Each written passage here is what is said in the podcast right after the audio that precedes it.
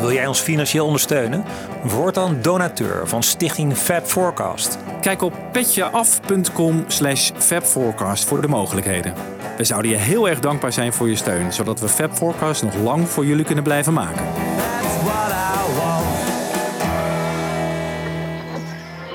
Ladies and gentlemen, The Fab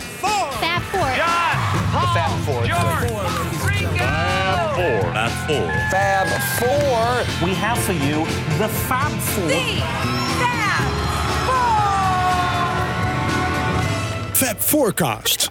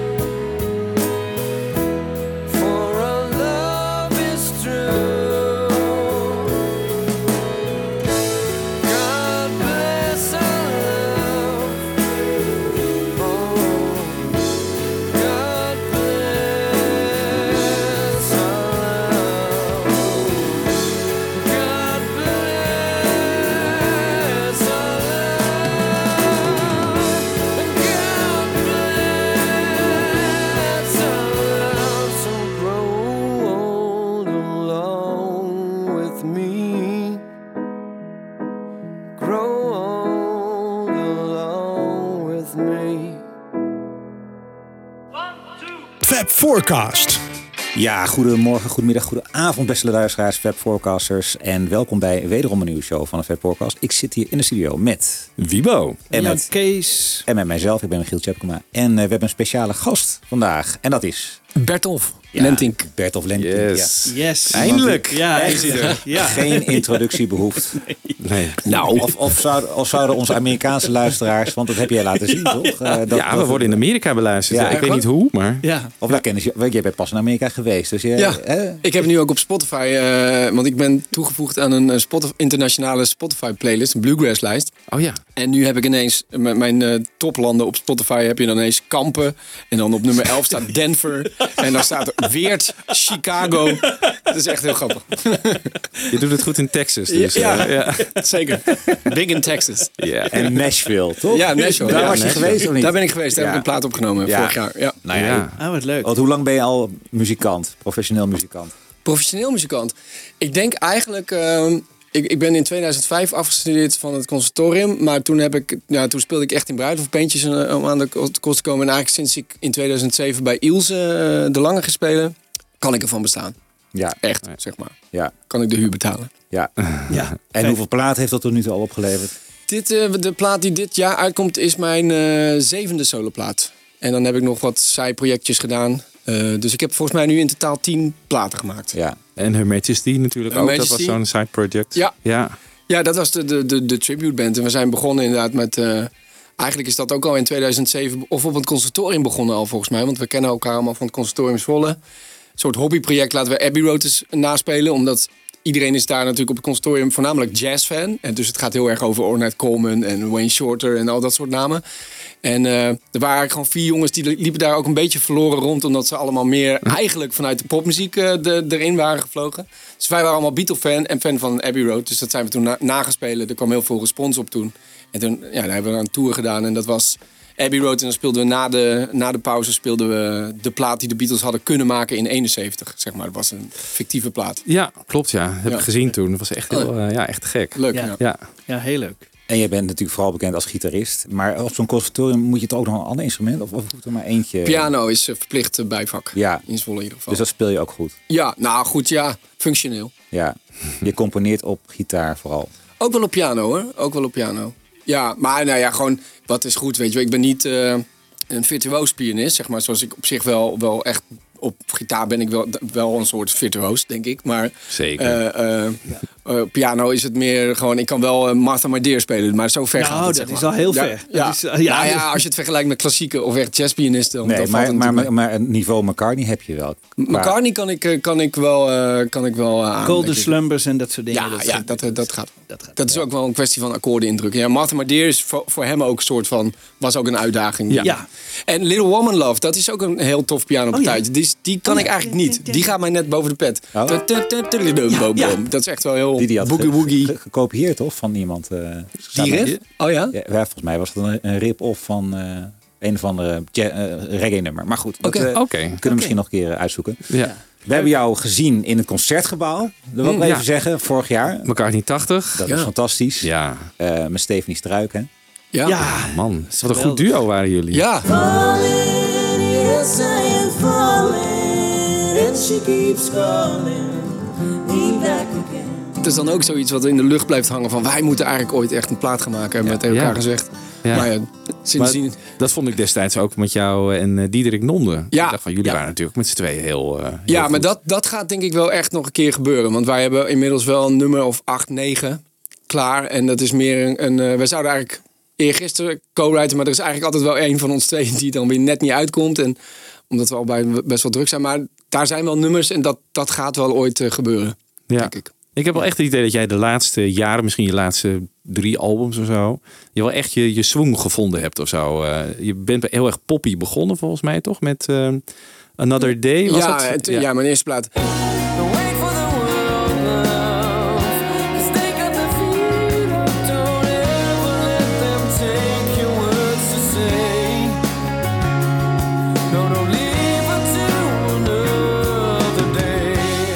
Ja, zeker. Dat, dat heeft ook wel een beetje met, ehm, met labels te maken. Ik zit nu bij Excelsior, dat label, zeg maar. En eh, Ja.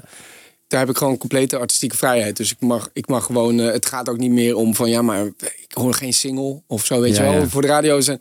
Zij denken... En, eh, zij hebben de fi- filosofie van de, een artiest moet gewoon maken waar hij zin in heeft. Wat hij mooi vindt. En daar... Dus dan, ik denk dat die swing daar wel mee te maken heeft. Ja. Ja. Maar ook wel met Her Majesty natuurlijk, die, eh, die country eh, shows die jullie toen gedaan hebben. En met eh, Crosby, Stills Nash Young. Ja. Toch een beetje meer die Amerikaanse muziek. Ja. Dat dat, en je hebt nu een bluegrass album gaat er aankomen. Dat is Klopt. toch wel een beetje jouw... Dat is eigenlijk, Ja. dat is voor mij eigenlijk wat voor de Beatles kwam nog. dus mijn, mijn vader, die is helemaal geen Beatle-fan eigenlijk. Eh, dus die komt echt uit die Americana-hoek, bluegrass. Ja. En, maar, en dan ook wel de, de, de zeg maar wat meer folk-rock-achtige dingen... zoals de Birds en Crosby, Stills Nash Young en al dat soort dingen. Dat, Ja. dat was zijn platenkast. ja. Dus ik heb ook vanuit dat venster heb ik eigenlijk kennis gemaakt met, met, eh, met de Beatles. En eh, ik denk dat dat misschien daar, nou ja, niet alleen daardoor, maar volgens mij was het voor mij ook zo'n klap in mijn gezicht, de Beatles, omdat ik heel erg uit drie akkoorden muziek kwam. Omdat bluegrass echt heel erg ja, eh, GDC is, zeg maar. En toen ik Beatles ging luisteren, was vooral dat akkoordengebruik een soort revolutionair. Ik, ik bedoel, als ik al heel veel andere popmuziek had ge- gehoord daarvoor, dan had het misschien minder impact gemaakt op me. Weet ik eigenlijk ook niet toch zeker, maar ik Ja. kan me voorstellen dan dat het nu deed. Het was eigenlijk de perfecte aanloop voor mij. Ja. Ja. En want we hebben jou gevraagd om tien eh, nummers uit eh, te kiezen. hè, Uit het eh, Beatles en solo oeuvre. om Die iets over jou zeggen. En die belangrijk zijn geweest in je leven. Ja. Nou, we hebben het net over je vader eh, gehad. En over je jeugd. Mhm. Dus laten we even verder gaan. Wat- was het allereerste nummer van de Beatles dat je je kan herinneren? Ehm, nou, ik kan me, mijn, mijn, mijn ouders hadden één Beatle-plaat. En dat was een soort greatest hits. Een Nederlandse uitgave. Volgens mij die liep tot en met ongeveer Ticket to Ride. Dus 65. En dat vond ik eerlijk gezegd niks aan eh, als kind. Ik vond het een beetje... Het waren ook rare mixen. Ik heb ze later wel eens teruggeluisterd. Heel galm, galmerig. En, eh, maar eh, toen ik 14 was, toen had ik op de middelbare school een muziekleraar. Meneer Koersen, inmiddels al overleden. En die, die, die draaide die eh, uitzending van Hans Schiffers over het Paul is Dead gerucht. Het was in oktober 1969 dat een student aan Russ Gibb, een programmacoördinator van een Amerikaans radiostation, zijn vermoedens vertelde dat er in 1966 iets met Paul McCartney gebeurd moest zijn. Ja. En dat was de eerste keer eigenlijk dat ik die studio eh, jaren dingen hoorde. Dus toen hoorde ik in één les A Day in the Life. I read the news today, oh boy, about a lucky man who made the grade. I'm the Walrus. I am the Eggman.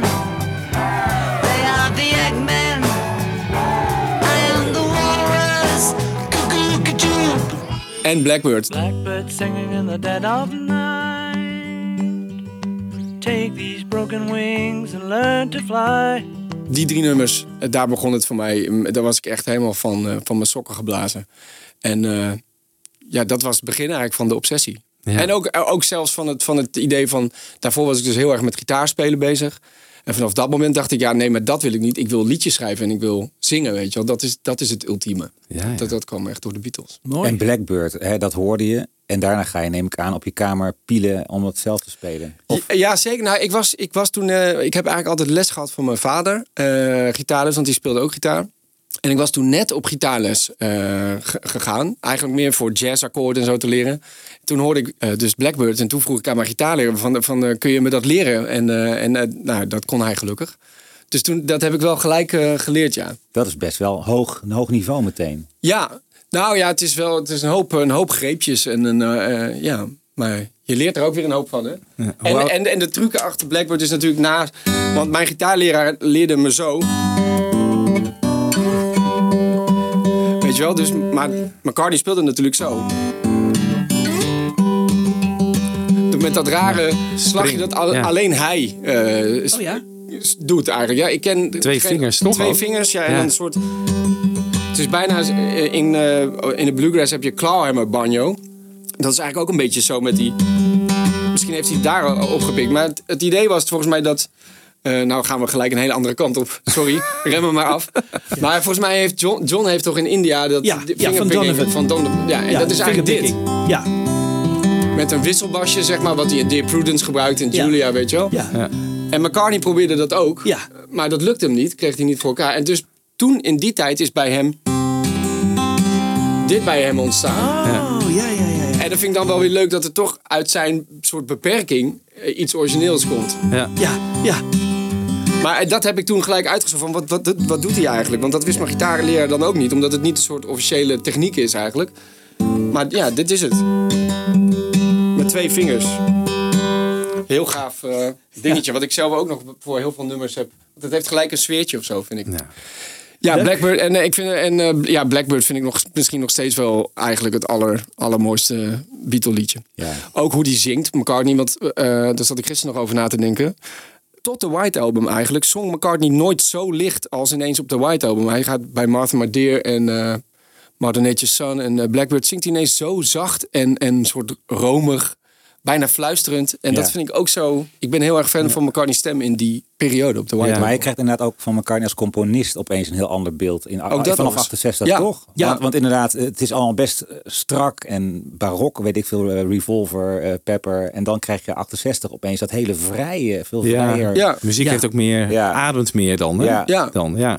Ja, en de folk-invloed komt natuurlijk. En eh, het feit dat ze dat in India hebben geschreven. Dus dat, dat het toch vanuit de akoestische gitaar heel erg komt, volgens mij. Ja, dat maakt het echt anders. Ja. Hij heeft wel echt zijn stijl gevonden op dat moment, denk ik, eh, met, vanaf de White Album. Want je hoort dat natuurlijk daarna in de loop der jaren, diezelfde stijl, dat soort liedjes. Vaak terugkomen. Heel vaak. terug. Zeker, ja. Ja, absoluut. met Jenny Wren en eh, nou ja, goed. Noem maar op. Maar Noem maar op. Blackbird staat Ja. dus zeker, is dat, is dat dan een van de tien? Eh, Dat is de, die is zeker wel. En die, eigenlijk die andere twee die ik in die Ook. les hoorde ook wel. Want, eh, want het was niet alleen McCartney, moet ik ook. Want later is de focus voor mij wel heel erg op McCartney komen te liggen. Alleen ik was eigenlijk eh, net zozeer gegrepen door, door bijvoorbeeld I'm the Walrus. Eh, door, eh, door het vreemde en het absurde en bizarre en, en, dat, en het vrije ook. Het idee soort dat alles een liedje kan zijn of zo, weet je, dat idee. Met dus- radio erin. En, Ja, en die rare glijstrijkers en dat koor natuurlijk. En, en, eh, en die rare tekst waar ik niks van kon maken. Maar ik was, voordat ik dat nummer hoorde, al heel vaak soort absurde of absurdistische gedichtjes en, en stripjes aan tekenen achter in de klas. Dus op een of andere manier appelleerde dat I'm the Walrus ook heel erg aan mijn gevoel voor, voor fantasie. En eh, dus dat, dat vond ik ook heel tof. En het Dane Live, ja, dat, was, dat, dat spreekt eigenlijk bijna voor zich. Maar eh, ik weet, wij, wij kregen dan een opdracht zo van we moesten eh, tellen hoe lang dat eindakkoord duurde. Dus hij, hij dwong om ons heel aandachtig te luisteren. En ja, en ik weet nog dat het na dat orkestrale crescendo, dat dat swing-stukje komt. Zo van, wat is dit in godsnaam? Wat, wat gebeurt er allemaal? Dat idee. En de- gewoon heel erg door verrast. En ja, toen is het begonnen. En ik was dus al op gitaarles. En toen ging ik... Mijn, eh, mijn gitaarleraar had toevallig ook... Dan liep je een trap op naar zijn zolder waar hij dan les gaf. En dan aan de ene kant hing een picture disc van Abbey Road. En aan de andere kant hing een picture disc van Sgt. Pepper. Dus hij was ook... Weet je Ja, wel, ook een... eh, ja, toen kwam het ineens van alle kanten eigenlijk, eh, weet je wel. Van, oh, de, de, mijn muziekleraar op school vindt het tof. En mijn gitaarleraar waar ik tegen opkeek, die vond het ook tof en had alle platen. En toen ging ik eigenlijk elke week een, eh, een nieuwe Beatle-plaat lenen en die op tape eh, overnemen natuurlijk. Van de bibliotheek ook waarschijnlijk. Ja, en van de Ja. bibliotheek, ja, Ja. solo-werk. En eh, Ja. ja. toen was het ineens... en toen, wat er toen ook nog gebeurde, want dat, we hebben het nu over 1994. En toen kwam ook die Anthology nog redelijk snel uit. Met, volgens mij was dat 95, het eerste deel of zo. Ja. Dus toen kwamen ook nog Free as a Bird, Real Love en al die anthologies op tv.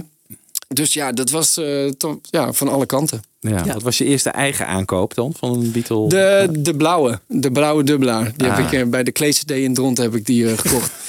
van mijn zwaar verdien- of zuurverdiende eh, zomerbaantje. Ja. ja. Het blijft een heel, echt een startpunt voor heel veel eh Ja. Beatle-fans. Ja. Die blauwe en die rode. Ja. Voor mij ook, die blauwe. Ja, dat Ja. stond bij mijn Ja. moeder in de kast. Ja, Ja. precies.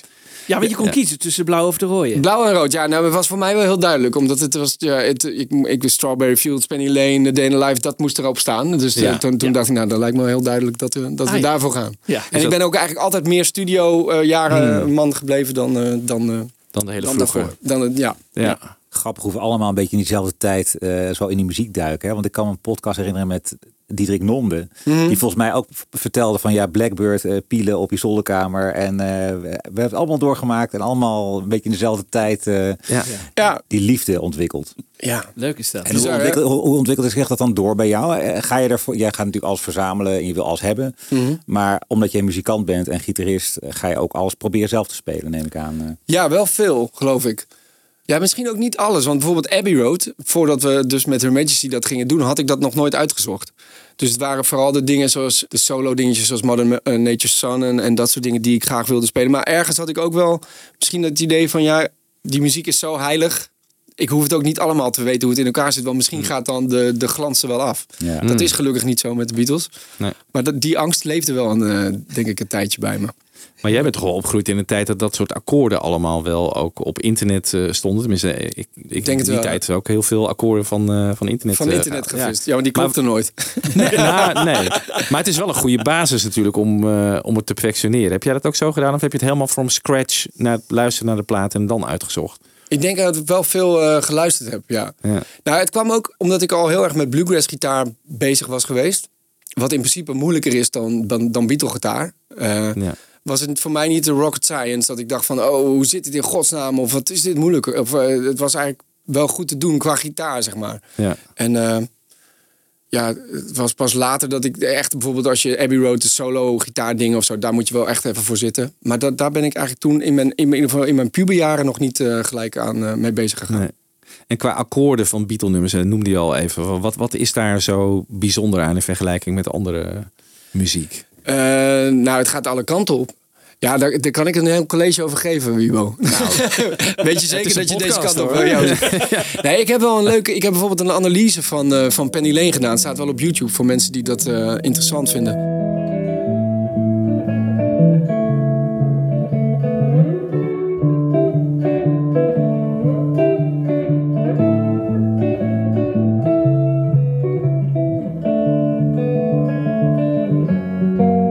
Dat was het eerste nummer waarbij ik ooit moest huilen trouwens. En eh er was ook zoiets in Bluegrass, dat was vooral spektakel, instrumentaal spektakel en, en een soort stoer ook en zo. De, en dat, nou ja, als kleine jongen vind je dat tof.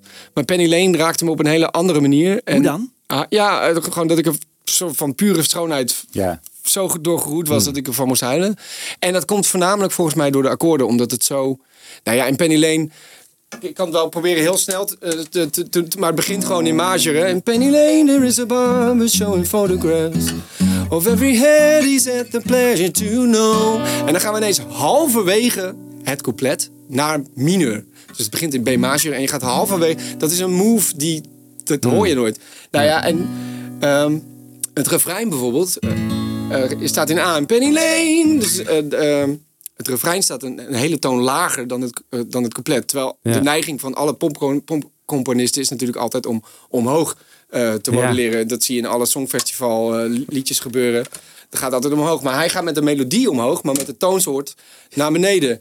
En nou ja, dat zijn van die, vind ik, geniale vondsten die ik nog nooit had geho- gehoord. En ja, ik, ik, word, ik word over het algemeen snel ge- geraakt door harmonische vondsten.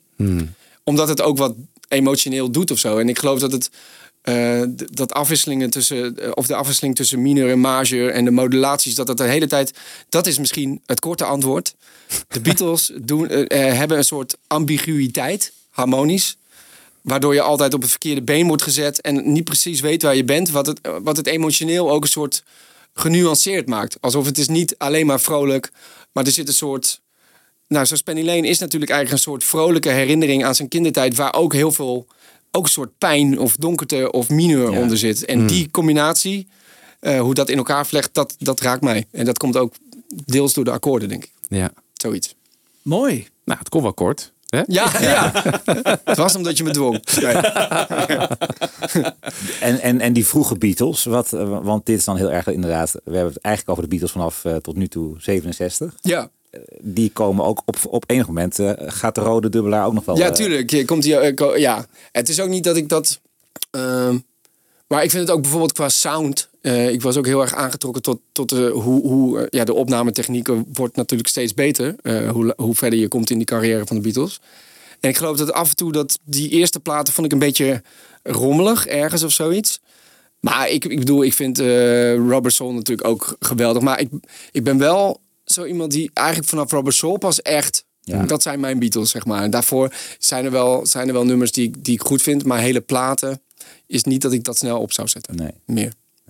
dus ook niet naar een onbewoond eiland mee. Nee, nee die, laat ik dan, eh, die laat ik dan toch wel weg. Dan gaan we denken vanaf Rubber Soul. Ja. Ja. Wat is de volgende op je lijstje eigenlijk? Nou, als we dan toch over Rubber Soul hebben... Ja. dan zou ik wel I'm Looking Through You eh, willen, willen noemen. I'm looking through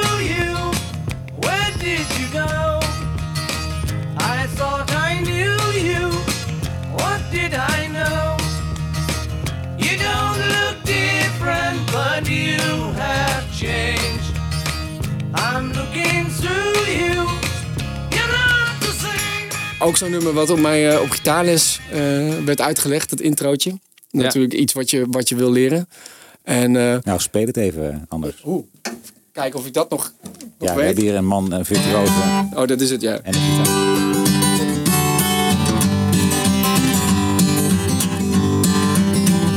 I'm looking... En dan is het te hoog voor mij voor nu. Voor nu. Is Ja. nog vroeg. Het is nog vroeg. En in een kleine studio, dat wordt veel te hard. Nee, maar eh, dat vond, ik te gek. En ook, ja, die, die zang daar ook de, de, van McCartney. En dat, dat schreeuwerige, zeg maar, in, dat, in de top van zijn bereik. Dat vond ik altijd, altijd zo...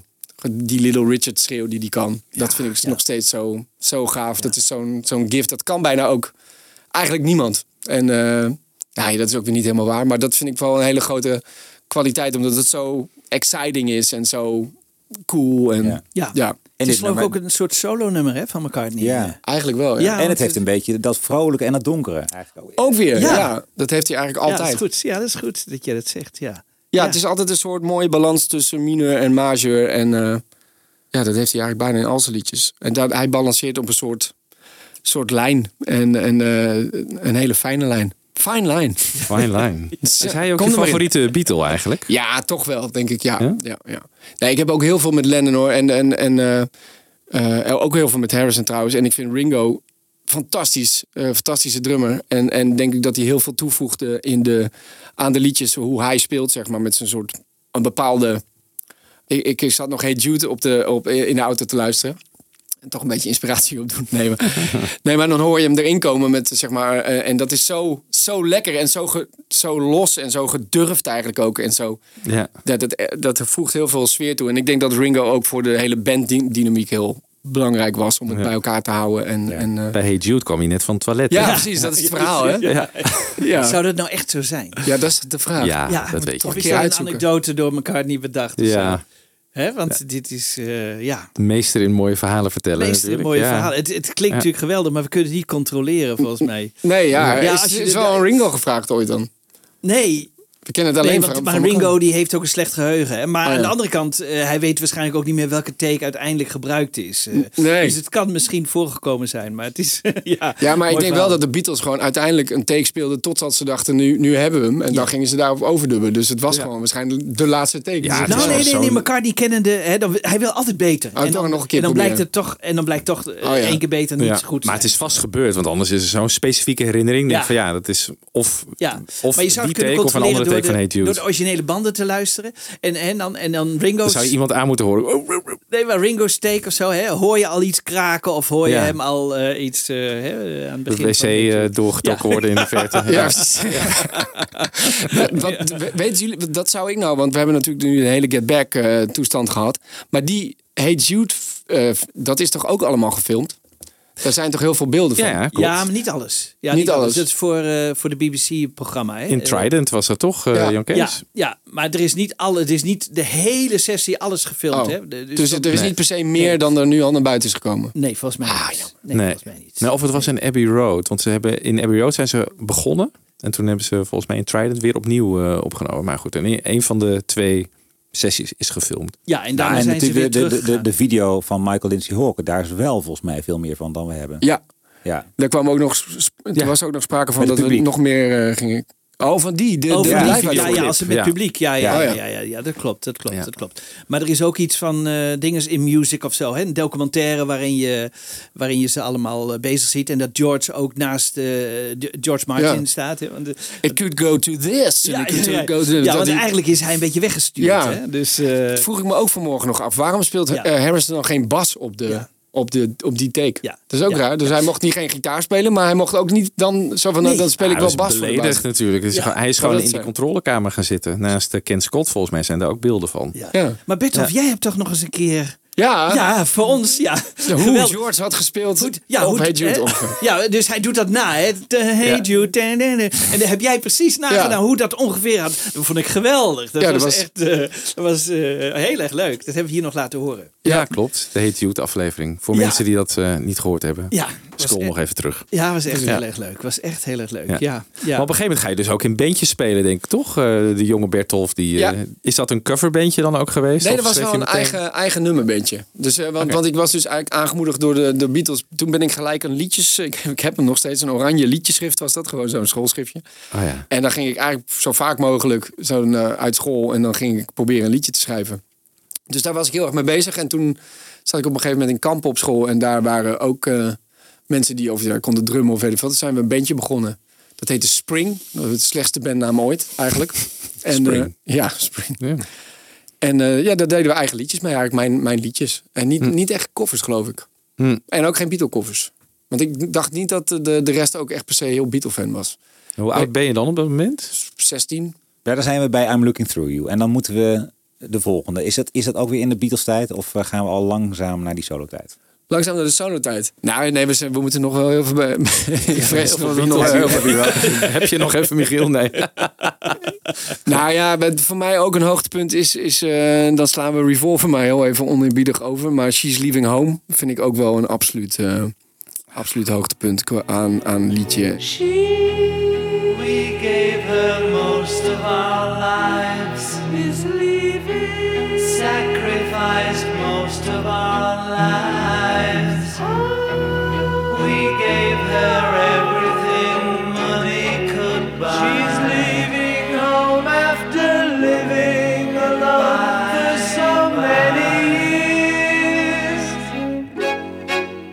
Natuurlijk grappig dat dat, dat arrangement niet van eh, George Martin is. Terwijl het wel toch ook een van de allermooiste arrangementen, eh, Ja. orkestrale ar- arrangementen is uit de Ja. Beatle-catalogus. Ja.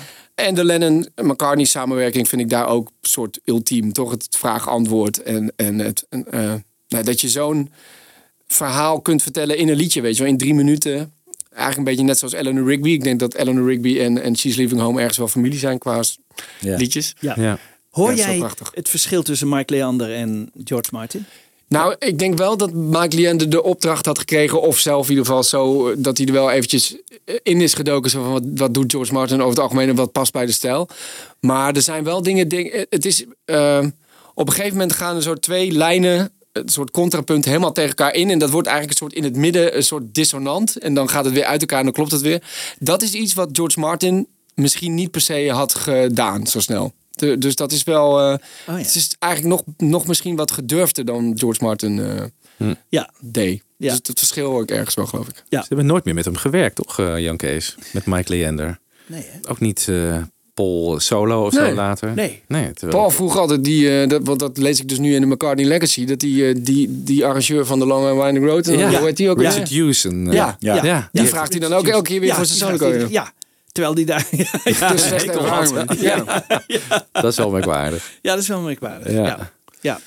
Dus die kies ik dan even van Pepper. Ja. Ja. ja. En ben je zelf ook iemand die veel eh, orkestrale dingen op je platen doet en, en dat soort dingen laat uitzoeken? En, eh, of, of doe je het zelf? Ik heb eh, de, de- verschillend. Ik heb ook wel eens zelf strijkersarrangementen geschreven eh, voor platen. En daar ben ik wel een tijd mee bezig geweest. Ook bijvoorbeeld door George Martin dingen uit te zoeken. Ik heb bijvoorbeeld wel eh, prachtig ook die, die alleen st- strijkers-only versie van Something. Ja. Dat, dat vind ik geweldig, want daar hoor je nog weer dingen in die je in de opname zelf niet eens zo heel goed hoort. Want er zit bijvoorbeeld You're asking me what my love go. Dan zit er een soort... Ja. Dus van die, die glissando's die, die George Martin eigenlijk heel vaak schreef. Wat ik heel erg gaaf vind. Maar daar heb ik dan eens een keer gewoon helemaal uitgezocht. Van welke, wat voor voicings gebruikt George Martin. En hoe zit dat in elkaar. En, Ja, eh, je zou dat dus wel kunnen, een eigen arrangement schrijven. en- Strijkersarrangement, jawel. Ja. Jawel. Dat is, dat is eigenlijk gewoon eh conservatorium handwerk. eh, wat je gewoon. Nou, ik heb, niet? dat, ik heb dat nooit. Ik heb, want ik heb natuurlijk echt wel de afdeling lichte muziek gedaan. Dus daar leer je eigenlijk meer de big band hoek op arrangeren, zeg maar. Dus echt jazz voicings. Maar dat, wat George Martin schrijft, eigenlijk komt veel meer uit de klassieke wereld voort. Dus daar had ik eigenlijk nog niet zoveel over nagedacht. Of zo van hoe werkt dat dan eigenlijk? Maar eh, nou, ik zou niet zeggen dat ik zoals Rijer Zwart, hè, die heeft ook arrangementen voor mijn eh, eh, platen geschreven, strijkersarrangementen, die, die is daar veel verder in. En die, er zijn allemaal van die regels. Je mag geen parallele kwinten schrijven en zo, weet je wel. Dus dat, dat wist ik allemaal niet. Dus het is af en toe best wel echt puzzelen met van, oh, hoe, waar moet ik dan nu weer heen om dat allemaal te voorkomen. En op een gegeven moment dacht ik, Ja, luister dat nou. Want als je dat wel doet, wat gebeurt er dan? ja, dat, dat, dan, dan worden de klassieke puristen boos. Ja, maar daar hadden de Beatles toch ook lak aan, hè? in die Ja, tijd? zeker. Ja, gewoon, ja, zeker. Nou, ik denk Ja. dat het dat eh, de, en, en eh, dat is met McCartney toch met eh, in Yesterday wilde die een, een klein septiem. Waar, waar zit het ook weer? Eh, why she had to go. Da, da, da, da, da, zit dan in de, in de strijkslijn. En dat is, dat Oh, ja. is een Ja. klein septiem is eigenlijk een bluesnoot. Oh. En dat, dat is niet iets wat in de klassieke wereld of wat George Martin ooit eigenlijk zou geschreven hebben. Nee. Dus dat is inderdaad, zij, zij braken juist die regels eh, van. eh, en Ja. ik, ik ben zelf ook. Kijk, de hele popmuziek zit vol, vol met parallelle kwinten. Bijvoorbeeld. eh, van Deep Purple of alle Ja. dingen die met, met soort, dat soort power Dat zijn chords geschreven parallele kwinten. Dat zijn allemaal par- Dit is een kwint, zeg maar. She said. Zo onthoud ik hem altijd. En eh, als je, die mag je eigenlijk niet opschuiven. Dit is, zeg maar, dit is ook een parallele kwint. Dus je hebt een kwint boven elkaar en dan de volgende interval van noten is ook een kwint. Ja, ja. En dat, dat, dat mag niet. Dus dan, want dat is een soort. eh, ja, er wordt bijna Chinese. ja, ja. Dus dat is in klassieke muziek een no-go. Ja, eigenlijk Ja. wel. Ja, dus dat, dat was iets wat ik... Nou, toch eens proberen. Maar dat even wel... tegen Rijer zeggen dat hij dat gewoon toch een keer moet doen. Ja, ja. maar ik denk niet dat George Martin het deed, zeg maar. Die was wel zo klassiek geschoold dat hij wel echt... Dat hij dat wel snapte. Ja, ik heb zelfs, nou, en nu gaat het heel veel wel- wel eens koortjes van de Beatles ook die, die dan raar zijn gearrangeerd. Bijvoorbeeld, het zit in. eh And in the end, the love you take. Zeg maar, hoe dat in elkaar zit. Daar, daar blijft op een gegeven moment een stem raar liggen. Terwijl je denkt, dat is eigenlijk niet logisch. Waarom stijgt hij niet mee? En toen ging ik daar uitzoeken. En toen dacht ik, oh, maar dat komt omdat er alle anders parallele kwinten zouden ontstaan. En ik weet zeker dat George Martin zei van... No, boys. Ja, ja. This is not the way to go. We should... Ja, en, en ja, Ja. ik weet zeker dat hij daarover nadacht. Ja, Onze George. ja. Ja. nou maar goed dat hij erbij was. Zeker weten. Nou, daar kunnen we ook nog wel een boom over opzetten. ja. Ja, die was wel belangrijk, denk ik. ja, absoluut. ja. En dan, eh, je had het net over je eerste bandje. Hè? En dan, dan eh, besluit je op een gegeven moment om professioneel muzikant eh, te gaan worden. Ja, Je conservatorium eh, ben je gaan doen. ja. Wel met een omweg hoor. Ik, ik ben eerst Engels gaan studeren in Groningen. eh, omdat mijn ouders zeiden van leer eerst maar een, eh, een, echt vak. echt vak. Ja. Min of meer.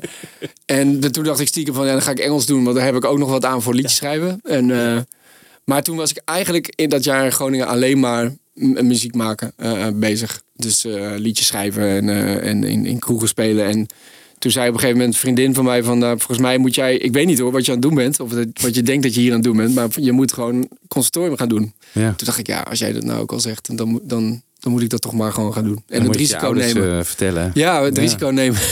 Sorry, ik word later werkloos, papa man. Ja. dat is goed, jongen. Ja, doe dan maar. Wist wel toen je Engels koos. Ja. dat het niet veel zou worden, dat wisten we. Ja. Ja, en bij Ilse de Lange heb je dus... eh, was dat een van je de allereerste... Dat was eigenlijk de eerste serieuze... eh, Kom je dan rechtstreeks uit het conservatorium en dan ben je gespot door Ilse? Of hoe, Ja, hoe is dat gegaan? Ja. Nou, ik, eh, dat is wel een grappig verhaal. Want, want over een week of zo komt er een single uit van mij en Ilse. Voor, voor mijn nieuwe plaat, want zij zingt op een liedje mee.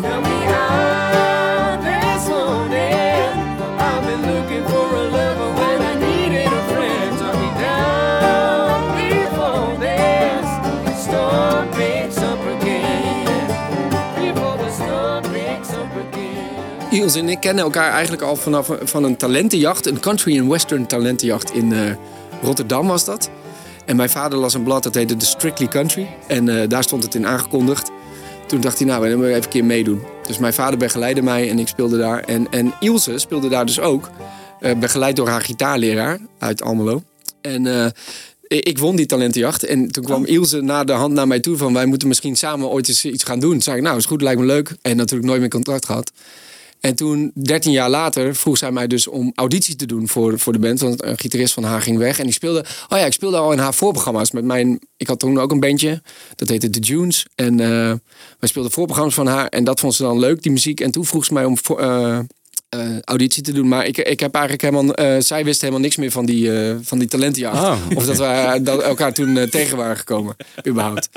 Dus dat was wel grappig. En ja, dus toen deed ik auditie en was ik super zenuwachtig voor. En, en, maar toen moest ik even wachten, ging ze overleggen.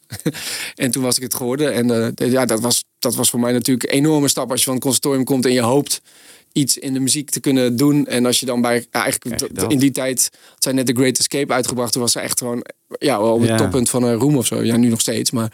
Dus dat was wel, eh, toen eh, dat jaar speelde ineens Pinkpop en eh, twee keer Heineken Music Hall en de Beat staat voor heel veel mensen. Dus dat was ineens wel, dat, toen kwam de droom wel uit, zeg maar, van muzikant zijn. Ja. Zij is wel uniek in Nederland ook, hè, Ilse? Zeker. Of, of hebben we heel veel Ilses rondlopen en zie ik ze gewoon niet. Nou ja, er zijn wel, er zijn wel veel meisjes die ook wel in de country hoekachtig, bij country pop-achtige dingen wat, wat doen. Maar zij, eh, ja, zij, zij staat al gewoon heel lang aan de top. Dus dat is wel knap. Ik denk dat ze nu ook een jaar of 45 is. En eh, Ja. ze doet het ook al vanaf haar 18e, weet je wel, met World of Hurt. Dus dat, dat vind ik, daar hebben we wel veel respect voor. Ja. Ja. En dat doe je jarenlang. Ja, Dat- Dat neem ik aan, dat zijn ook, wat zijn dat, tournees, popfestivals, gewoon het hele circuit. eh, ik heb dat eigenlijk ja, ik heb dat eigenlijk helemaal niet eens zo heel lang gedaan. Want eh, ik heb het eigenlijk van 2008 of 7 tot en met 8 gedaan. En toen zat er, er zaten eigenlijk ook allemaal, eh, want ik mocht van Ilse een eigen liedje spelen in de set. Of het niet een eigen liedje, maar een cover. En dan, nou dat ging, daar was, kwam ook wel een beetje respons op. En toen toen wilden labels ook mijn eigen liedjes hebben. Dus toen kwam ik op een gegeven moment voor de keuze van... ga ik of veilig bij Iels in de band blijven spelen... En dat kan ik natuurlijk in principe mijn hele carrière zou ik dat kunnen doen. Of ga ik toch de gok wagen voor een solo carrière? En dat, dat was uiteindelijk toch mijn ultieme droom om mijn eigen nummers te doen. Dus toen heb ik toch op een gegeven moment gezegd van nou, ik, ik wil de kans grijpen om, eh, om voor mijn eigen werk te gaan. Dus toen ben ik eigenlijk eind 2008, toen kwam mijn eigen single uit, Another Day. En dat ging gelijk best wel goed. Ja. Dus eh, Ja, is veel gedraaid toen. eh. ja, is heel veel gedaan. Ja, dat is, de ja. eerste Ja. nummer was... ja, zo, goed is, zo goed is het ook nooit meer gegaan sindsdien. dat is echt het hoogtepunt. Wat, wat waren de plannen van het label dan met jou? Was het als een soort... eh, ja, Nou, in, die, in, de, in de begintijd was ik, zat ik inderdaad, we, dus zagen, ze het heel erg, zagen ze me heel erg pop. Dus Ja. eh, de- je had natuurlijk toen Keen en, en Coldplay. En zij zagen mij heel erg in die hoek. En, en alle Beatle-invloeden, die, eh, dat hoorden ze niet zo. Hm. En eh, ik heb bijvoorbeeld ook die cover van Martha Madeer op YouTube sta- staan. Had ik ooit uitgezocht. En dat vonden zij niet zo'n goed idee. Dus ze vonden eigenlijk niet dat ik echt heel erg met die Beatles geassocieerd hoefde te worden. En Ah. dat was een wat ouder publiek. En dus toen heb ik dat soort vermomd. Dus ik heb ook een soort hoedje en een zonnebril op. En ik heb het heel lang anoniem eh, op YouTube gezet. Zo van gewoon voor de gein. Dan hoeven mensen niet te weten. Ik heet ook Finn Bettercall. Dat was een, een, een, een anagram van mijn naam. Zo gewoon, gewoon voor de grap online gezet. Eh, ja, omdat, omdat de platenmaatschappij ook dacht van wij zitten in een hele andere hoek dan, dan dat. Want ik kan me ook herinneren dat jij ehm, aan dat Sgt. Pepper project hebt meegewerkt. Dat toen Oh ja, met een me- 2007 of zo, Metropool. Ja, ja, dat was alweer wat later, denk ik. Was dat later? 2011, Oh ja. 2010. Nee, klopt. Dat heb ik toen wel gedaan. Ja, ja. Vertel eens, wat was dat? Dat was, ehm, ja, met een Metropoolorkest deden we Pepper Magic- en Magical Mystery Tour, denk ik. Ja, ja, ja. En eh, dat was met eh, John Allen, de Engelse singer-songwriter. Die, die zong die, eh, die hoge McCartney-dingen trouwens echt super goed. Want die heeft echt zo'n zo'n rauwe stem. Ja, ja. En, en was er nou ook nog iets met Frederik Spicht? Ik kan me herinneren dat die er ook bij was. ja, toch? Manuele Kemp en, eh, en eh, die zanger van de Nits. Ja, Henk Hofstede. Henk Hofstede. Ja, ze is een Beatle-fan. Ja, zeker. Ja. Dus nee, dat was leuk. En dat is natuurlijk heel kicken om, om dat soort nummers, zoals Penny Lane, met, met een heel orkest te, te spelen. En dat, dit- dat hele arrangement dan te horen. Penny Lane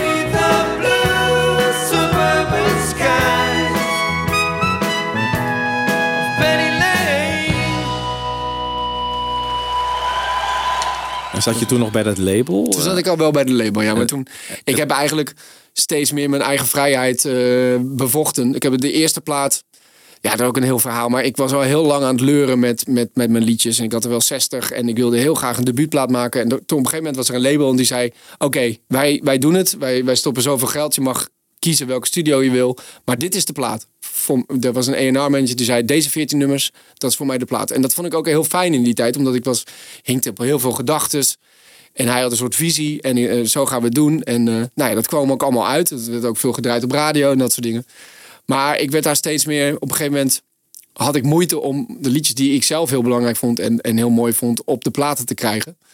Dus toen, dat heeft uiteindelijk ook geleid tot dat ik naar een ander label ben gegaan. Maar die, die wel zeiden van, jij moet gewoon lekker doen wat je, wat je Ja. zelf. En dat is Excelsior. Dat is. Excelsior, ja. Goh. En, en dat, is, dat is heel fijn en, en lijkt me zo'n zo'n label te hebben die je weinig stuurt. Eh, of zit, zit er, is daar helemaal geen sturing? Is het totale vrijheid? Of is het toch... Nee, dat is wel echt totale vrijheid. Zo, zo, zo kan ik het wel noemen. En het is, het is gewoon. eh, nou ja, kijk, ik bedoel, het is natuurlijk. eh, het mes snijdt een beetje aan twee kanten. Je zou ook wel soms. Soms is het ook wel fijn om mensen te hebben die echt meedenken, zeg maar actief meedenken. Maar daar zit een soort balans in. Ik bedoel, als het te ver gaat en als mensen de, de boel overnemen en de tent gaan runnen, zeg maar, als het gaat om muziek, dat, dat is geen goede situatie, denk ik. Nee. En dan wil ik helemaal niet, want dat label waar ik het over hebben, dat, dat eerste label wat ik, waar ik op zat, die hebben ook mij heel, goed, heel veel goed gedaan hoor. En, eh, en enorm geholpen en zo. Maar nou ja, die, die, is- die wilde mij gewoon meer door het midden verkopen, zeg maar. Dus als ik dan een nieuwe single had, dan lieten ze Miss Montreal dat aankondigen bij Humberto. Bij, bij, weet je wel, met RTL 4 en Miss Montreal. En dat- ik denk dat gewoon mijn publiek zit eigenlijk veel meer aan de linkerkant van het spectrum. Dus iets meer eh, muziekliefhebber, ook meer een beetje liefhebber van wat oudere muziek en van, nou ja, al dat soort dingen. Dus daar zit ik nu veel meer op mijn plek, denk ik. Maar er is natuurlijk ook wel een verschil in of, of je zelf op je plek zit of eh, die pop eh, richting kiezen. Want het is natuurlijk ook wel aanlokkelijk om gewoon eh, een betere boterham ermee te kunnen verdienen dan. Ik weet niet hoe dat toen Ja. was hoor, maar als je echt in die pop richting was gebleven. Ja, dan, daar kan je wel een betere boterham in verdienen. Ja. Dat is, is dat dan nog een afweging geweest voor je of niet? Nee, want ik heb ooit een, eh, ik heb een boek gelezen dat heet eh, Songwriters on Songwriting. Van, eh, dat, dus dat wordt van, oh, ik weet niet meer hoe die man heet, maar daar, daar zijn allerlei songwriters in geïnterviewd. Ook Bob Dylan, Paul Simon, David Crosby en, en Todd Rundgren. En die zegt dan op een gegeven moment dat, dat je je eigen werk mag je absoluut nooit laten comprimiteren, als dat een woord is, Ja. door financiële afwegingen. Dus je mag nooit denken, nee, maar als ik dit doe, dan verkoop ik minder platen of kan ik minder spelen. Dus hij zegt, jouw eigen werk, dat is soort heilig. Daar, daar mag je geen financiële afwegingen laten meespelen. En anders dan ga je maar gewoon wat anders doen voor de kost. Maar je werk is heilig of zo. En toen dacht ik, ja, maar dat, zo Dat zie ik het ook. Ja. Je, je moet gewoon maken wat je maakt en, en dat niet ver, homeopathisch verdunnen. en, eh, en, en ik bedoel, als je geen geld mee kunt verdienen, ja, dan, ga, eh, dan ga je maar iets anders erbij doen of zo, weet je. Dus Ja. zo, zo sta ik er eigenlijk nog Ja, steeds. inmiddels had je ook al wel een naam opgebouwd natuurlijk, wat dat betreft. ook, ook dat, ja. ja, ja, ja. En, het, en het lukt ook gewoon. Ik heb een vast groepje eh, mensen die, die naar mij toe komt als ik een nieuw project heb. En eh, daardoor kan ik ja, toch een theaterstour doen. Dit jaar, najaar ook weer van 40 shows. En, eh, dus dat is hartstikke mooi. Het, het gaat Ja. nog steeds eh, goed, Ja, wat dat betreft. met de Musketeers. eh, is Musketeers dat had dan? ik net, nee, nee, dat was vorig jaar. Dat was vorig is nu jaar. alweer eh, eigenlijk eh, nou, voorlopig voorbij. Ja, dat was natuurlijk ook hartstikke leuk om. En da- Ja. daar ben ik echt voor gevraagd. En eh, wat eigenlijk raar was, want, want dat zijn, is met drie eh nederpop-iconen eigenlijk. Met, met Ja. Pascal van, van Bluff en, en Paul de Munnik en Daniel Lohuis. En ze, ja, hij wilde gewoon, Pascal vooral, daar kwam het vandaan, die wilde een, een nieuw hobbyproject doen. En terwijl ik zing natuurlijk normaal niet in het Nederlands. En ik ben eigenlijk ook wat jonger dan die andere drie gasten. En eh 10 centimeter kleiner ook. Dus ik voelde me heel vaak een soort eh odd man in, zeg maar. Maar eh odd man out. Maar het was heel leuk. Het was een heel gezellig project.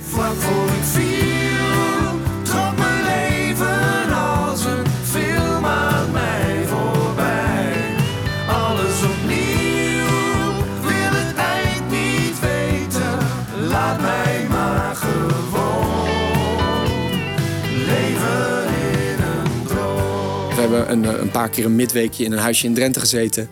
Daar liedjes gaan schrijven. Nou, dan werd er eh, lekkere wijn op tafel en goed gekookt en, en eh, veel gepraat. En liedjes geschreven, weet je. wel. We waren van zondag tot donderdag zaten we in zo'n huisje. En dan hadden we aan het eind van de week hadden we zes, zeven liedjes, Ja. nieuwe liedjes af. Is er dan altijd inspiratie ook om liedjes Ja. te schrijven? Of heb je wel eens writersblok? Nou, als je met z'n vieren bent, is, gaat, is, het, is het niet zo snel op, de inspiratie. Dan Nee. zit je niet zo snel, want er is altijd wel iemand met een idee. En iedereen is ook natuurlijk heel ervaren in het, in het schrijven van liedjes, eigenlijk in dit geval. Dus dat, dan kom je eigenlijk niet zo snel vast te zitten, want altijd heeft iemand wel de, de oplossing of het, of het goede idee. Of, en ineens me- vaker een teveel aan, aan ideeën dan een tekort. Ja. Dus het gaat makkelijker om te schrijven met meerdere mensen of, eh, dan in je eentje. Nou, dat is niet een, niet een Nee? algemene regel die je kunt stellen. Want ik heb ook wel eens.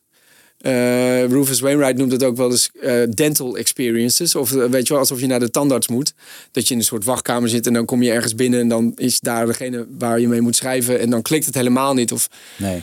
dat heb ik ook wel eens gehad hoor. Dat, of, ja, dat je met, met iemand zit te schrijven en zei nee, maar die dan bijvoorbeeld zelf geen gitaar speelt, maar alleen zingt. Oh ja. Zo van nee, ik wil meer, ik voel meer zoiets, maar dan dat ze helemaal niet kunnen omschrijven wat ze nou precies willen. En dan Werkt het niet. dan werkt het niet.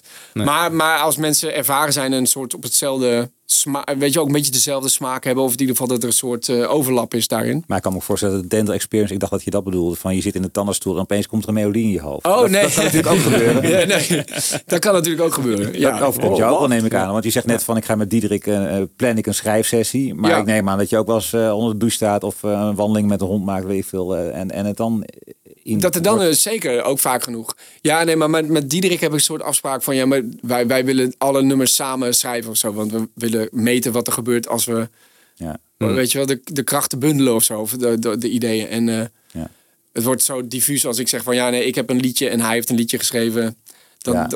die, zet- die zetten we dan maar op, eh, op onze soloplaten. En, Ja. eh, Dus ja. dat is niet zoals bij John en Paul. Eigenlijk dat Paul eh driekwart van het nummer in zijn hoofd al heeft of heeft gecomponeerd. En Nee. John nog om een middle eight vraagt of zo. Zo, zo werkt dat bij jullie dus nee, niet. Dit en ik beginnen gewoon from Ja. scratch. En, Ja. en, eh, en schrijven dan gewoon een nummer af in een dag. Dat vinden wij het, eh, het leukste om te doen. Ja. Oké, hartstikke mooi. Moeten we weer even terug naar de Beatles, hè? Laten we Oh dat ja, doen. Ja. in godsnaam. Nou ja, heb je, heb je nog een nummer op je lijstje? Oh ja, genoeg. Ja, ja, ik moet wel eventjes, ik, eh, want we hebben het dan toch niet over Harrison gehad. Maar ik, eh, op Abbey Road vind ik Something. Ik denk dat Something mijn allerfavoriet is. Ik heb net al Blackbird gezegd dat het mijn allerfavoriet is. Ja. Maar ik denk eigenlijk dat Something, dat ik dat nog wel mooi vind. En dat is ook een nummer wat met de jaren alleen maar aan schoonheid wint voor mij. Maar het is zo prachtig. En dan heb ik het ook vooral... Ja, het, het hele liedje is natuurlijk al geweldig. En hoe het in elkaar zit. Hoe het gecomponeerd is. Maar ook het arrangement. En alles daaraan vind ik geweldig. Ik vind de gitaarsolo van Harrison fantastisch. De beste popgitaarsolo die, die er ooit gespeeld is. Het, het zijn- Waarom? nou ja, het zijn acht maten, weet je wel. Het is echt maar heel korte tijd, maar hij zegt zoveel. En dat vind ik ook het fijne van Harrison als gitarist. Hij was, dat vond ik ook leuk bij Get Back te, te, te merken. Dan hebben ze op een gegeven moment discussie over eh, Clapton. En ik, ik, ik denk dat, dat Harrison enorm opkeek tegen, tegen Clapton. En dat soort gitaristen die heel erg goed konden improviseren eigenlijk. Dus on the spot Ja. fantastische gitaarlijnen konden bedenken. Harrison was een andere gitarist. Iemand die, die zijn, zijn, zijn gitaarwerk eigenlijk moest voorbereiden en componeren eigenlijk. Maar dat heeft er wel toe geleid dat, het, dat zo'n solo in Something... dat had ook een beetje een soort bluesy, pentatonisch... weinig origineel ding kunnen, kunnen worden. Maar het is zo, zo inventief en zo vol gevoel en zo ja, origineel. Dat, en dan in acht maten zegt hij zoveel. En dat vind ik, vind ik geweldig.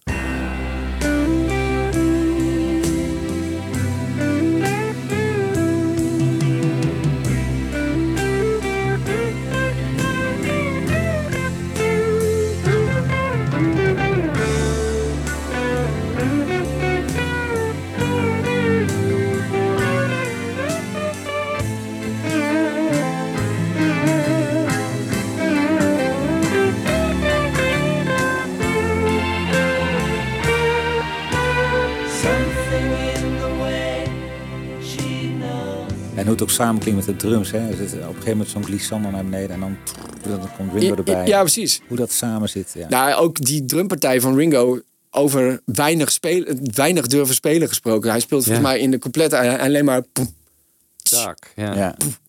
tsch. Dat vind ik zo gaaf. En dat, dat levert zoveel ruimte op in dat arrangement. Ja. En ja. Er zijn weinig drummers die dat zo doen, denk ik. Hè? eigenlijk Ik denk- bijna niet. Nee. Drummers spelen over het algemeen... Eigenlijk willen ze altijd veel te veel spelen. Ja. Ja. En vooral als het goede drummers zijn, denken ze... Ja, maar ik ga niet alleen dat spelen.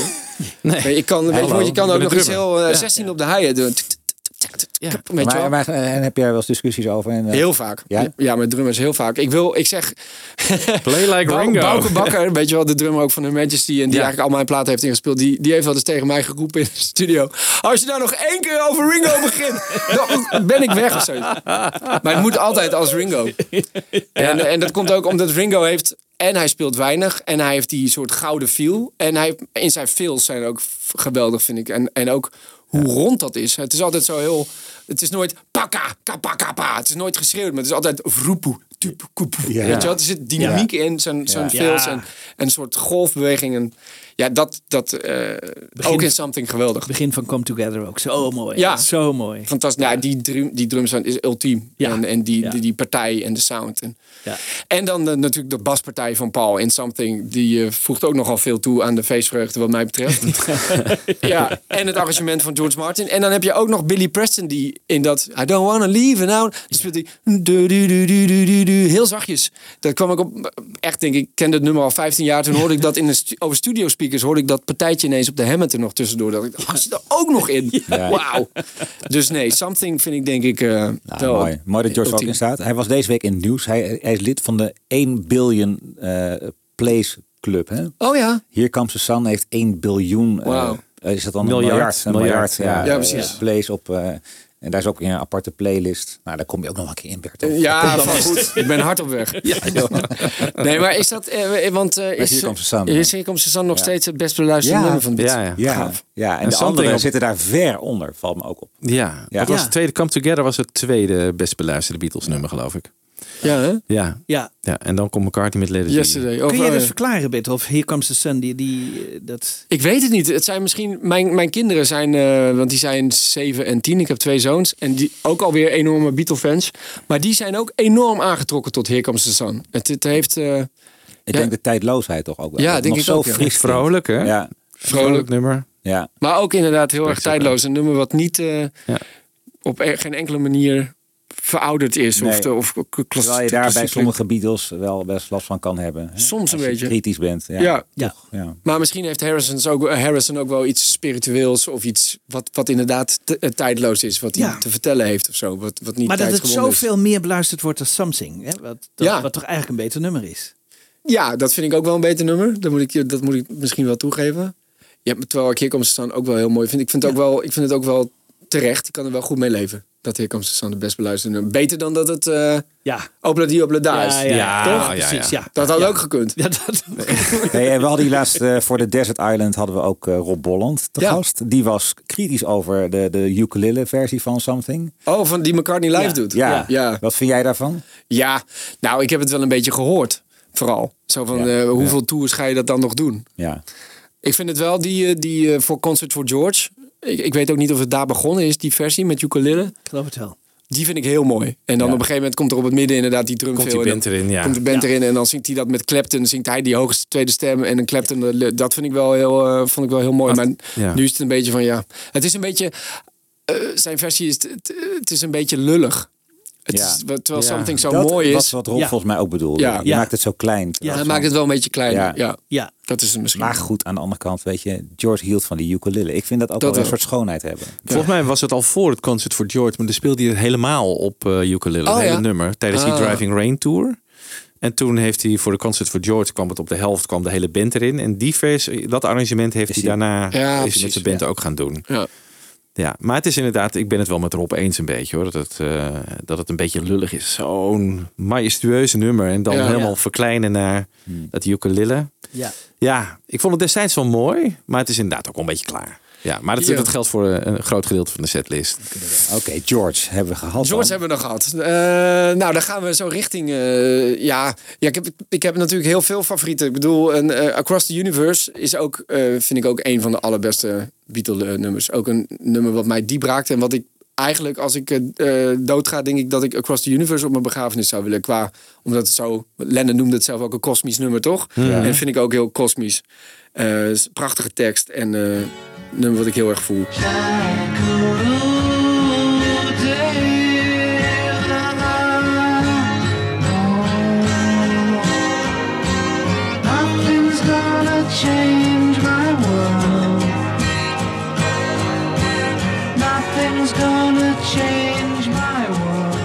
Ben je het met Lennon eens? Want die heeft eigenlijk altijd gezegd van Across the Universe is een van mijn allermooiste nummers. Maar het, de opname daarvan is nooit echt tot mijn volledige bevrediging eh, gebeurd. Nee, ook niet van eh, Spectre? Nou, Nee, hij was niet blij met het arrangement en de. En de Ja, maar hij zei toch, Oh, Spectre? Spectre- ja, Spectre heeft er nog wat van Ja, gemaakt ja, volgens heeft hij mij. van gemaakt. En, eh, Ja. Ja. Ja, nou, hij, zou ja, hij was iemand die heel, heel graag zijn hele oeuvre opnieuw wilde doen. En, Ja, en zeker zo'n nummer zou die volgens Ja. mij ja, dat zou ja, maar hoe dan? Dat vraag ik me dan af. Hè? Ah, het is ook niet, eh, het is niet, eh, want de, de opname die is gebruikt uiteindelijk, dat was toch voor het Wereld Natuurfonds Ja, het zijn ooit allemaal- 68 of zo? Alle opnames zijn dezelfde eigenlijk. Ja, de en ene is wat sneller, hebben ze vertraagd. En Oh, vertraagd. Ja, voor Be is Ja. vertraagd. Daar Ja. had je ook Oh. wat lagere stem. eh daarop. Ja, en Ja. dat is natuurlijk orkestpartij bij echt. Ja, het is niet, hij, het- hij had het misschien wel iets beter kunnen zingen. Ik hoor wel dat, hij, dat, dat het een, een take is die hij volgens mij met zijn gitaar gewoon tegelijk heeft gedaan. Ik vind ook dat Spector eh, arrangement, of dat niet zijn arrangement, maar de productie dan, vind ik toch wel, eh, de, doet mij wel wat. Ik bedoel, eh, Long and Winding Road, dat snap ik ook wel. Dat gaat wel over een bepaalde grens met die, met die met qua zwierigheid en Hollywood of zo. Maar, Ja. maar Across the Universe vind ik nog wel binnen de Normen. normen, ja. Dus die wil ik nog wel noemen. En dan moeten we nu maar naar het solo werken, denk Ja, ik. we hebben ongeveer vijf decennia en drie nummers. Ja. ah, dat is moeilijk. Nou, ik vind wel, ik wil wel een, eh, een eh, ik heb namelijk, oh en nu heb ik nog niet eens Martha My Dear genoemd. Maar ja, we hebben wel Blackbirds en eh Martha My Dear vind ik ook echt een absoluut hoogtepunt. En dat leidt me een beetje toe naar, ik ben ook een, ik heb een enorme liefde voor Paul McCartney's, een, eh, ik geloof dat je dat vaudeville moet noemen of zo, Ja, toch? ja, ja. Eh, Ja. dus dat vind ik gewoon eh, eigenlijk altijd geweldig. En ik weet dat er heel veel mensen zijn die, die, die juist die kant van McCartney verafschuwen. Ja, granny music. En Granny music, ja. ja. nou ja, dat zei hij dan volgens mij vooral over Maxwell, Maxwell hè? Ja, Maar, Lennon, hè? Ja. Ja. ja. Maar eh, nee, is het dat soort nummers als eh, eh, inderdaad Martha My Dear, of, of dat, ja, dat zou je ook wel Granny music kunnen noemen. Maar ik, ik hou ook van Granny music. En ik wil graag op Venus and Mars staat You Gave Me The Answer. Heb ik altijd een wonderschoon liedje gevonden. Ook omdat het zo goed en respectvol gedaan is. En dat, dat raakt mij toch diep eigenlijk, zo'n nummer. You gave me the answer to love eternally. I love like me. Ook, zit heel goed in elkaar met dat, met dat modulatietje. En dat een soort, zit er dan een soort eh klarinet er weer in. Een Ja. soort Ja. Ja. knipoogt heel erg naar een soort Fred Astaire-achtige tijd. Ja. Dat er wordt gedanst. Hij zegt ook shall we dance. En, eh, Ja. en, eh, en moduleert ook mooi. Het komt weer mooi terug. En eh, ja, het, er zit een bepaalde onschuld in, in McCartney. En, eh, en ik, nu ik de McCartney Legacy boek lees, eh, kom, ik, kom ik daar ook steeds achter dat hij daar ook echt naar zocht. Qua, ook qua band. Hij wilde geen supersterren. En Linda, die vroeg hij ook om die onschuld in een, in een band te hebben. En ik weet niet, als je hem ziet zitten met die wenkbrauwen zo omhoog, dan, dan voel ik dat ook. Er zit een soort kinderlijk onschuldigs iets in, in McCartney, wat mij ook altijd heel erg raakt en aanspreekt. En in You Gave Me The Answer zit dat ook. Ja. Ja. Volgens mij was je ook al bij Erik Winkelman te gast. Hè? Ja, Wij allemaal al wel. Jij nog niet? Nee, denk nog ik? niet. Nou, dat komt nog wel. Ja, Nee, jij ik komt kom ook nog. Ja, eh, eh, en- zijn er en- nog wel en die- albums over, jongens, voor jullie? Ja, volgens mij is ja, wel ik heb er een gereserveerd bij. Ja. Dus, eh, Oké. Maar die was kritisch over You Gave Me The Answer. En Ja. Volgens mij ook weer met het... eh, ehm, ja, die had hij toch- onderaan staan volgens mij. zelfs Ja, maar Ja. joh, die, die jongen kunnen Nee, er die- niet serieus meer nemen. hij had bij, nee. bij, bij, Ram, of bij Ram had hij Dear Boy onderaan staan. Ja. en Ja. Ram On op nummer 1. Nou ja, dan eh, heb je jezelf in principe al compleet gedisqualificeerd.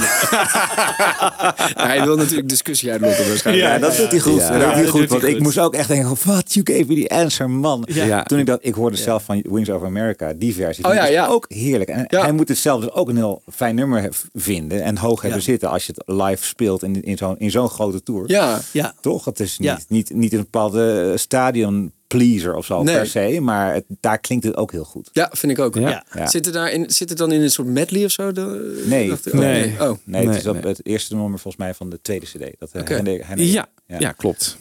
Ja, dus... eh, Ja, die Ja, kant. het is ook een hartstikke mooi nummer. Ik vond het vroeger ook heel leuk om op de piano eh, te kunnen spelen. Ja, Die intro is echt Oh, eh, ja. heerlijk. Ja. Ja. Te gek. Vooral die tiradum, dat is dan wat lastig. Precies, hè? ja.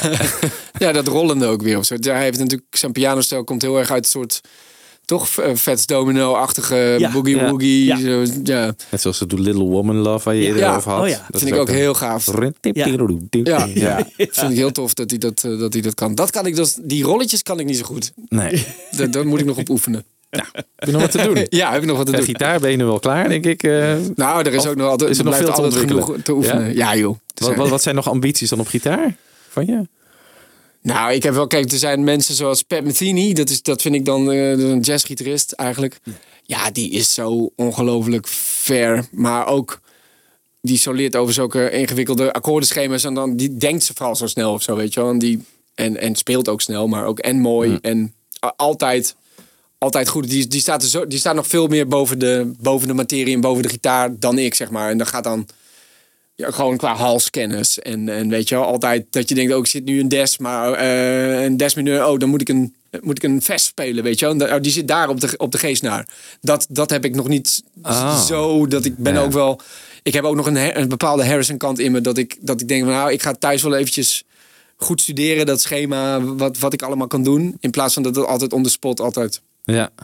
Halskennis. Nou, halskennis. Ja. Ja, Ja. dat kan bij mij Dat is nog wel een halszaak voor je dus. Dat, Zeker, eh, ja. Nou, ja. Dus dat. Eh, dan hebben we nog twee nummers Michiel, en eh, klopt het? Twee nog, 3 hè? december. Ja. Ja, ja. Streng, we moeten streng zijn, want dat- dit wordt dus gewoon eindeloos gedraaid op het omwonen eiland. Wel, welke gitaar neem je eigenlijk mee naar het eiland? eh, Ehm, die hier staat? De Martin. nee, deze gitaar die ik nu eh, hier heb, die, die is niet van mij. Die zou ik graag meenemen. Maar dit is een, een, een, eh, een Martin D18 uit 1940. Jeetje. Ja, dus een, echt een heel oud beestje. En eh, McCartney gebruikte de D28, dacht ik. D28, ja. Ja, en dit is eh, de D18. D18, ja. Die, is, die heeft die iets, is, iets smallere schouders. Ja. Maar het heeft wel maar heel qua veel klankkleur komt hij overeen? Komt die eigenlijk wel redelijk in de buurt. Ja. Het is eigenlijk raar dat McCartney en Lennon een D28 hadden. Ik weet ook niet. Hoezo? Nou, dat is een D18 is meer een gitaar die veel gebruikt wordt voor fingerpicking. En, en een, een D28 is eigenlijk echt een bluegrass gitaar. Dus al die bluegrass gitaristen die heel veel volume nodig hadden. En die echt... En eh, weet je wel, moesten competen akoestisch met een banjo en dat soort dingen. Die hadden D28's. Terwijl deze is meer eh, geschikt eigenlijk om jezelf te begeleiden. Als song- singer-songwriters gebruiken hem veel. Dus dat vond ik ook wel een aparte keuze dat eh, Lennon en McCartney D28's hadden. Ja. Dus maar ik zou deze graag meenemen. Maar ik heb zelf ook een, eh, een D28.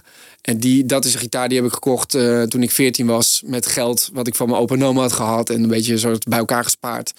Dus dat dat is, dure gitaren. Ja, het zijn dure gitaren. Ja. Ja. Nou, ze worden steeds meer waard. Hè? Dat is Ja. het mooie. Ja. Ja. Maar Ja. deze is niet van jouzelf. Deze is niet van mezelf. Nee. Nee, dus die kan ik eigenlijk niet, eh, Nee. kan ik niet maken om die eh, Nee. mee te nemen. Heb je gewoon even geleend of zo? Dat doen jullie dat onder elkaar maar wel is eens? een Dat je instrumenten uitleent? Nee, Het is ja. een Stradivarius of zo. Hè? Die, Ja. Bepaalde violisten krijgen zo'n Stradivarius te lenen. En, Nou, ik heb echt heel veel massa. Want er- een, een, eh, een man bij mij eh, in de buurt, die, eh, die, die eh, ja, is gewoon een, een, eh, een boerenzoon en eh, erfenis. En in plaats van dat hij zijn, een, zijn fortuin in, in auto's of huizen eh, investeert, Doet in doet hij in gitaren. Dus die heeft een waanzinnige collectie aan gitaren en ook heel veel vintage. Want, want bij Martin, zeg maar, hoe ouder eh, de gitaren zijn en vooral eh, pre-war gitaren, zeg maar, de, de soort de holy grail Ja. omdat eh, Braziliaans eh palisander, dat is, dat is hout, dat wordt gebruikt voor de achterkant en de zijkant. En op een gegeven moment mag dat niet meer gebruikt worden. Plus voor de Tweede Wereldoorlog waren er eigenlijk heel veel hele goede eh, techneuten. Die, die werkten toen nog niet voor het leger, maar konden ook nog voor een gitaar bouwen. Dus er werden toen heel veel hele goede gitaren handgebouwd met fantastische materialen. Die ook, en, en dat hout droogt ook nog een keer eens heel erg mooi uit of op, zeg maar. Dus je krijgt een hele droge, eh, pure klank. Dus daarom, daarom zijn die eh, de oude Martins zo sought after, zeg maar. Heeft hij nog meer interessante Beatles-gitaren in zijn bezit?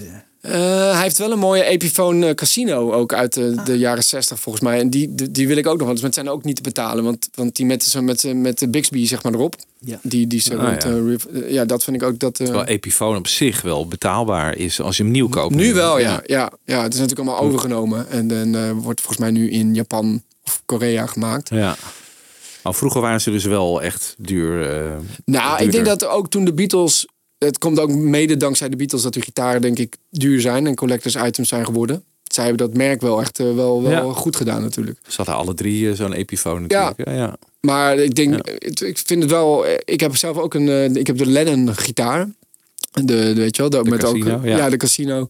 Ja. En die is dan in Nashville gebouwd. Dus die is dan nog wel in Amerika gebouwd. Maar dat is eigenlijk een gitaar die ik wel. eh, ja, die gebruik ik heel veel. Omdat het is een, gewoon echt een goed gebouwde gitaar. En dat was ook nog niet eens zo heel duur, maar best wel eh, Hm. meer dan middenklasse. Oké. En ik hoorde jou net een nummertje van Red Rose Speedway nog noemen. Ja, dat is leuk. Ja, dat vind ik leuk. Get on the right thing. All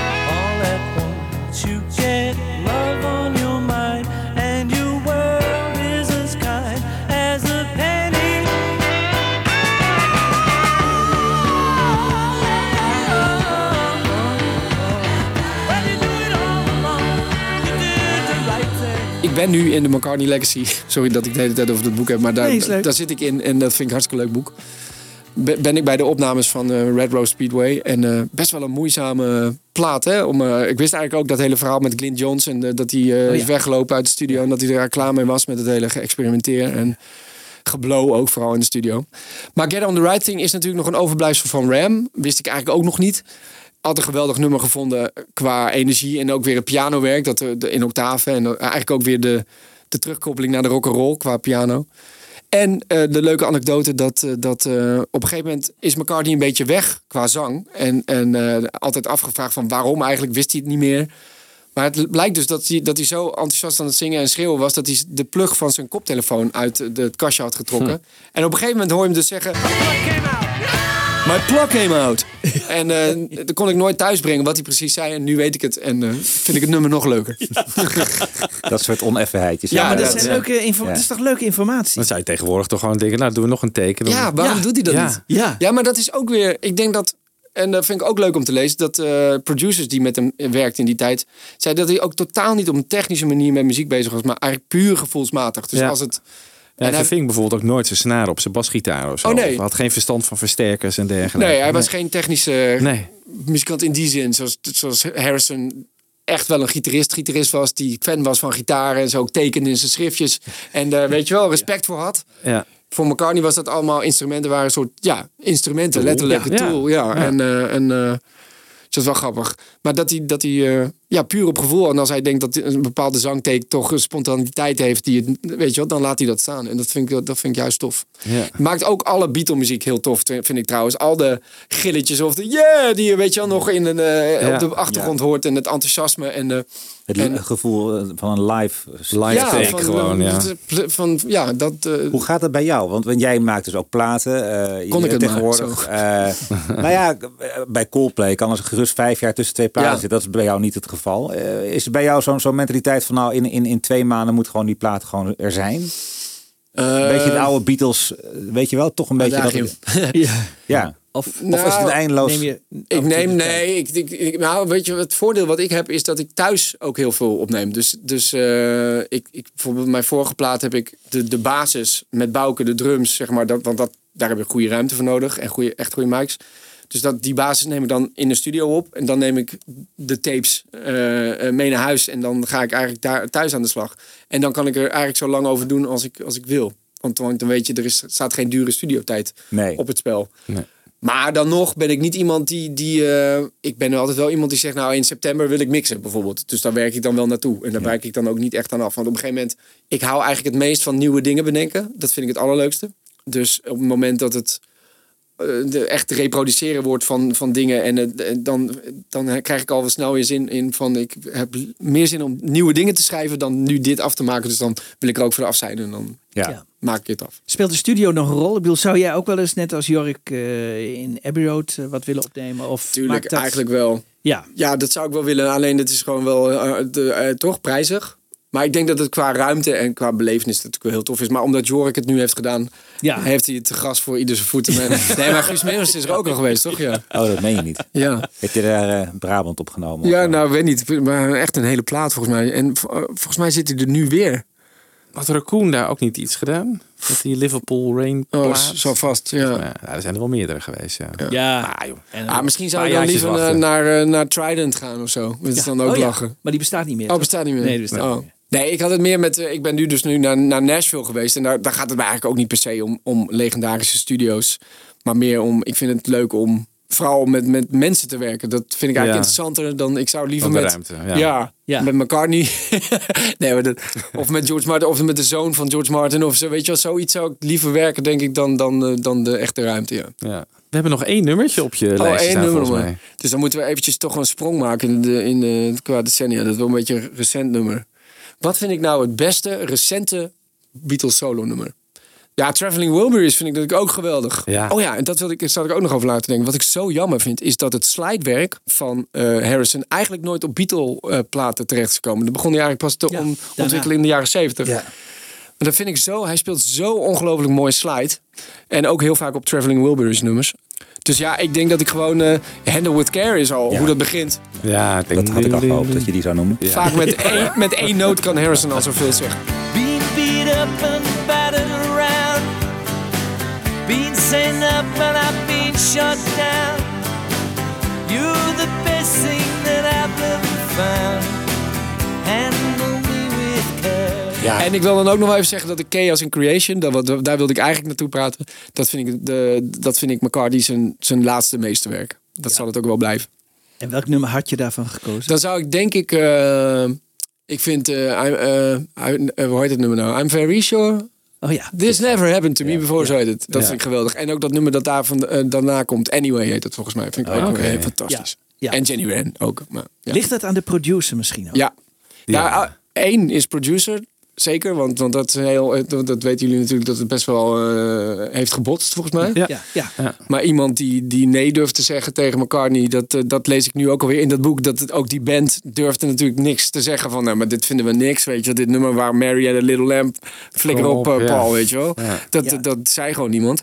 En Nigel Godrich heeft dat, heeft dat wel gezegd. Of ga eerst maar weer naar huis. Je hebt, de, je hebt de songs nog niet. We- Weet je wel, dat, dat Ja. moet je maar Ja. durven. Ja, En hij was nog echt, echt goed bij stem. De laatste plaat dat hij echt nog eh, ja. van fluweel is. Ja. ja, soms durven eh, bijvoorbeeld My Love, hè, de solo gitaar, Ja, hè, durfde hij tegen McCartney in te gaan. Ja. Want McCartney had het al helemaal klaar. ja.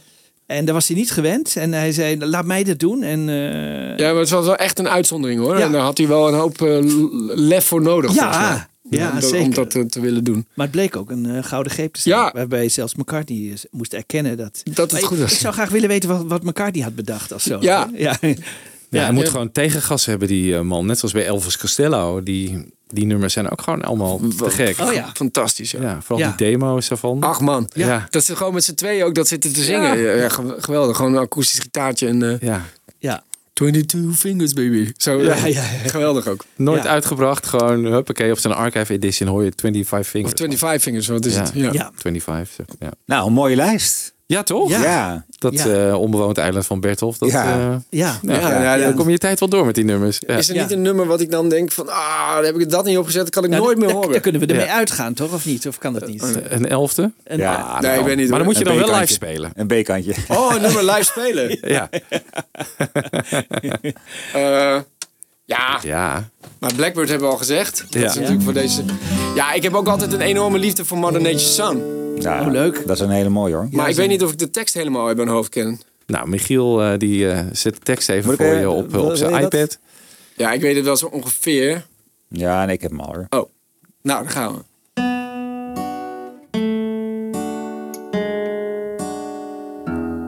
Doen jullie het op tafel?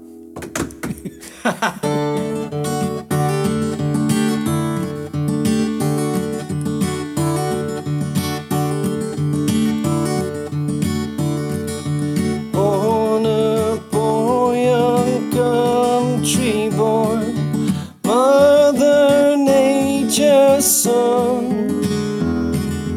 All day long, I'm sitting singing songs for everyone.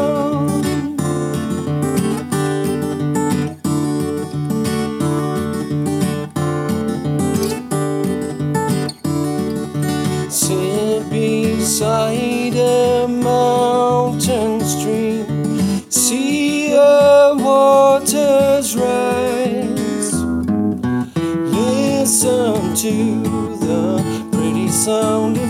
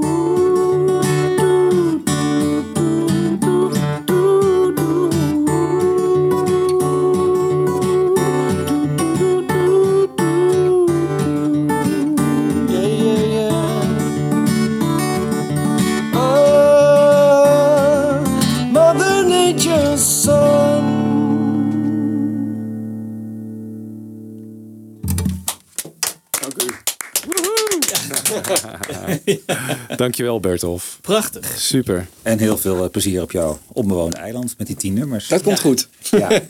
Fab Forecast. Geniet je van Fab Forecast? Laat dan een fijne review achter in iTunes. En geef ons meteen even lekker veel sterretjes.